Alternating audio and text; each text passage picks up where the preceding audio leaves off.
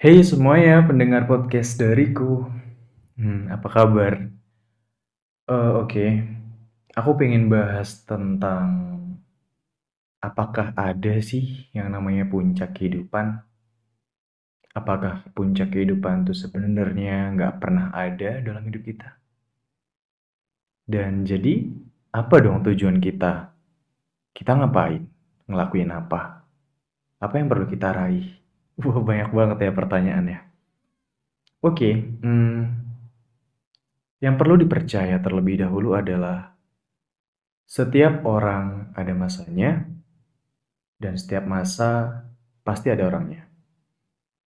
Jadi kayak kita nggak perlu khawatir sih gitu loh. Kalau kita pada nantinya sudah mencapai di puncak kehidupan, pasti nanti bakal tergantikan. Dan kita nggak akan selamanya ada di puncak kehidupan itu. Apa iya kita bakal tetap diem aja di sana? Nungguin kehidupan selesai? Enggak kan? Kalau jadi aku sih, aku bakal turun dan cari puncak-puncak yang lain untuk dinaikin, diraih, dan biarkan puncak-puncak yang lalu ditempatin oleh orang-orang baru. Karena kalau kita berada pada satu puncak aja, ya kita akan berhenti di sana. Dan kapan kita akan maju? Apa pun yang pernah kita raih, pasti nanti bakal ada pengganti. Kita nggak akan selamanya ada pada posisi yang pernah kita tempati. Ya, jadi kalaupun kita sudah merasa menggapai sesuatu, hmm, ya udah, artinya jangan berhenti di sana. Masa ya kita bakal berhenti dan menunggu mati? Enggak kan? Pastinya kita harus mencari apa yang harus diraih berikutnya. Karena nggak pernah ada akhir dari puncak kehidupan. Sebenarnya kalau kita boleh mengatakan bahwasanya tujuan hidup ya mencari lubang. lubang kematian. Wow. Sesederhana itu sih sebenarnya. Jadi kayak hmm, apa yang kita peroleh, apa yang kita punya, sebenarnya itu ya memang sementara gitu loh. Apa yang kita raih itu ya sementara, nggak akan selamanya. Karena tadi prinsipnya adalah setiap orang ada masanya dan setiap masa ada orangnya. Kita pernah duduk di satu kursi dan pada waktu yang lain atau masa yang lain, kursi itu akan ditepati oleh orang lain. Kita pernah mungkin menjadi seseorang yang dipandang oleh orang lain, tapi pada nantinya kita akan menjadi seseorang yang memandang orang lain karena posisi kita bakal tergantikan. Akan ada periodisasi di sana. Itu yang perlu kita pahami. Jadi, kalaupun kita harus kehilangan sesuatu, nggak perlu takut juga gitu loh. Karena sebenarnya mungkin emang kita nggak pernah punya apa-apa dalam hidup. Kita lahir nggak bawa apa-apa, kita mati malah dikasih kain kafan. Kan istimewa, udah segitu baiknya gitu. Kita lahir nggak pernah bawa apa-apa. Tapi pulang-pulang kita dikasih kain coba astaga. Jadi hmm, perlu deh kayaknya kita itu paham bahwasanya hidup tidak akan selamanya berada pada satu titik. Ya kan? Kita akan berjalan pada suatu tempat dan kita akan ada dua pilihan di sana, antara mati atau tumbuh di sana. Kalau mati tanpa beradaptasi mungkin, tanpa berusaha mungkin, artinya kita kayak, ih ya udahlah, terima aja yang ada. Akhirnya ya mati cuma-cuma gitu kan. Bayangin aja kalau kita nyampe pada suatu tempat, kita mau untuk tumbuh di sana.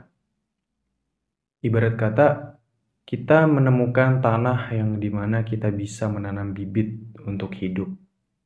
Kita tanam bibit-bibit di sana, biar mereka tumbuh, dan kita bisa tuai hasilnya. Kita bisa panen untuk menghidupi diri kita. Bukan berarti itu adalah hanya sebatas bibit yang nantinya bisa dijual atau bisa dimakan, bukan. Tapi juga kita perlu untuk menanam bibit untuk orang-orang baru yang ada di lingkungan tersebut. Misalkan bagaimana cara kita berinteraksi, bagaimana cara kita berkomunikasi sama mereka. Itu kan juga termasuk bibit. Akhirnya kita bisa mengenal orang-orang baru. Yang mana akhirnya kita paham bahwasanya kita bisa tumbuh di sana. Nah, seperti itu ya. Kalau toh memang pada nantinya kalian tumbuh di sana menjadi seseorang yang dihargain, menjadi seseorang yang dibutuhkan, ya bersyukur dong. Artinya nggak jadi buku yang lusuh dan hanya ada di deretan buku-buku lainnya. Tapi menjadi buku yang bisa dibaca oleh orang-orang di sekitarnya dan memberikan manfaat pastinya. Jadi nggak usah kayak berasa, ih udah umur segini, seharusnya udah waktu-waktunya produktif, tapi kok nggak masih ngapa-ngapain juga ya gitu kan. Deh jangan terlalu kayak um, takut banget nggak bakal menjadi manfaat gitu. Karena Tuhan nggak bakal menciptakan apa pun tanpa ada manfaatnya. Bahkan hal buruk sekalipun gitu loh. Misalkan saja kita kasih contoh ya kan. Misal aku lagi duduk di bangku di bawah pohon. Ada bangku nih di bawah pohon misalkan ya kan. Aku duduk di sana sambil uh, mainin ballpoint misalkan di tangan gitu di diputer-puter aja gitu kan. Nah, uh, di di situ di sekitar situ ada temen. Habis itu pas, uh, aku main, eh bolpennya ternyata lepas nih dari tangan, agak jauh tempatnya gitu kan, agak jauh. Nah kebetulan, uh, posisi mendaratnya deket sama temen. Nah, di situ aku minta dong, tolong sama temen, "Tolong dong ambilin." Tapi karena usilnya temen, dia nggak mau nolongin, dia malah bilang ya ambil sendiri aja emang nggak punya kaki misal kayak gitu. Nah akhirnya mau nggak mau oh ya udahlah aku ambil sendiri dong ya kan. Aku ambil sendiri itu ballpoint dan ternyata ketika aku berdiri dan nyamperin itu ballpoint ada batang kayu gede yang jatuh di bangku yang aku tempatin duduk tadi.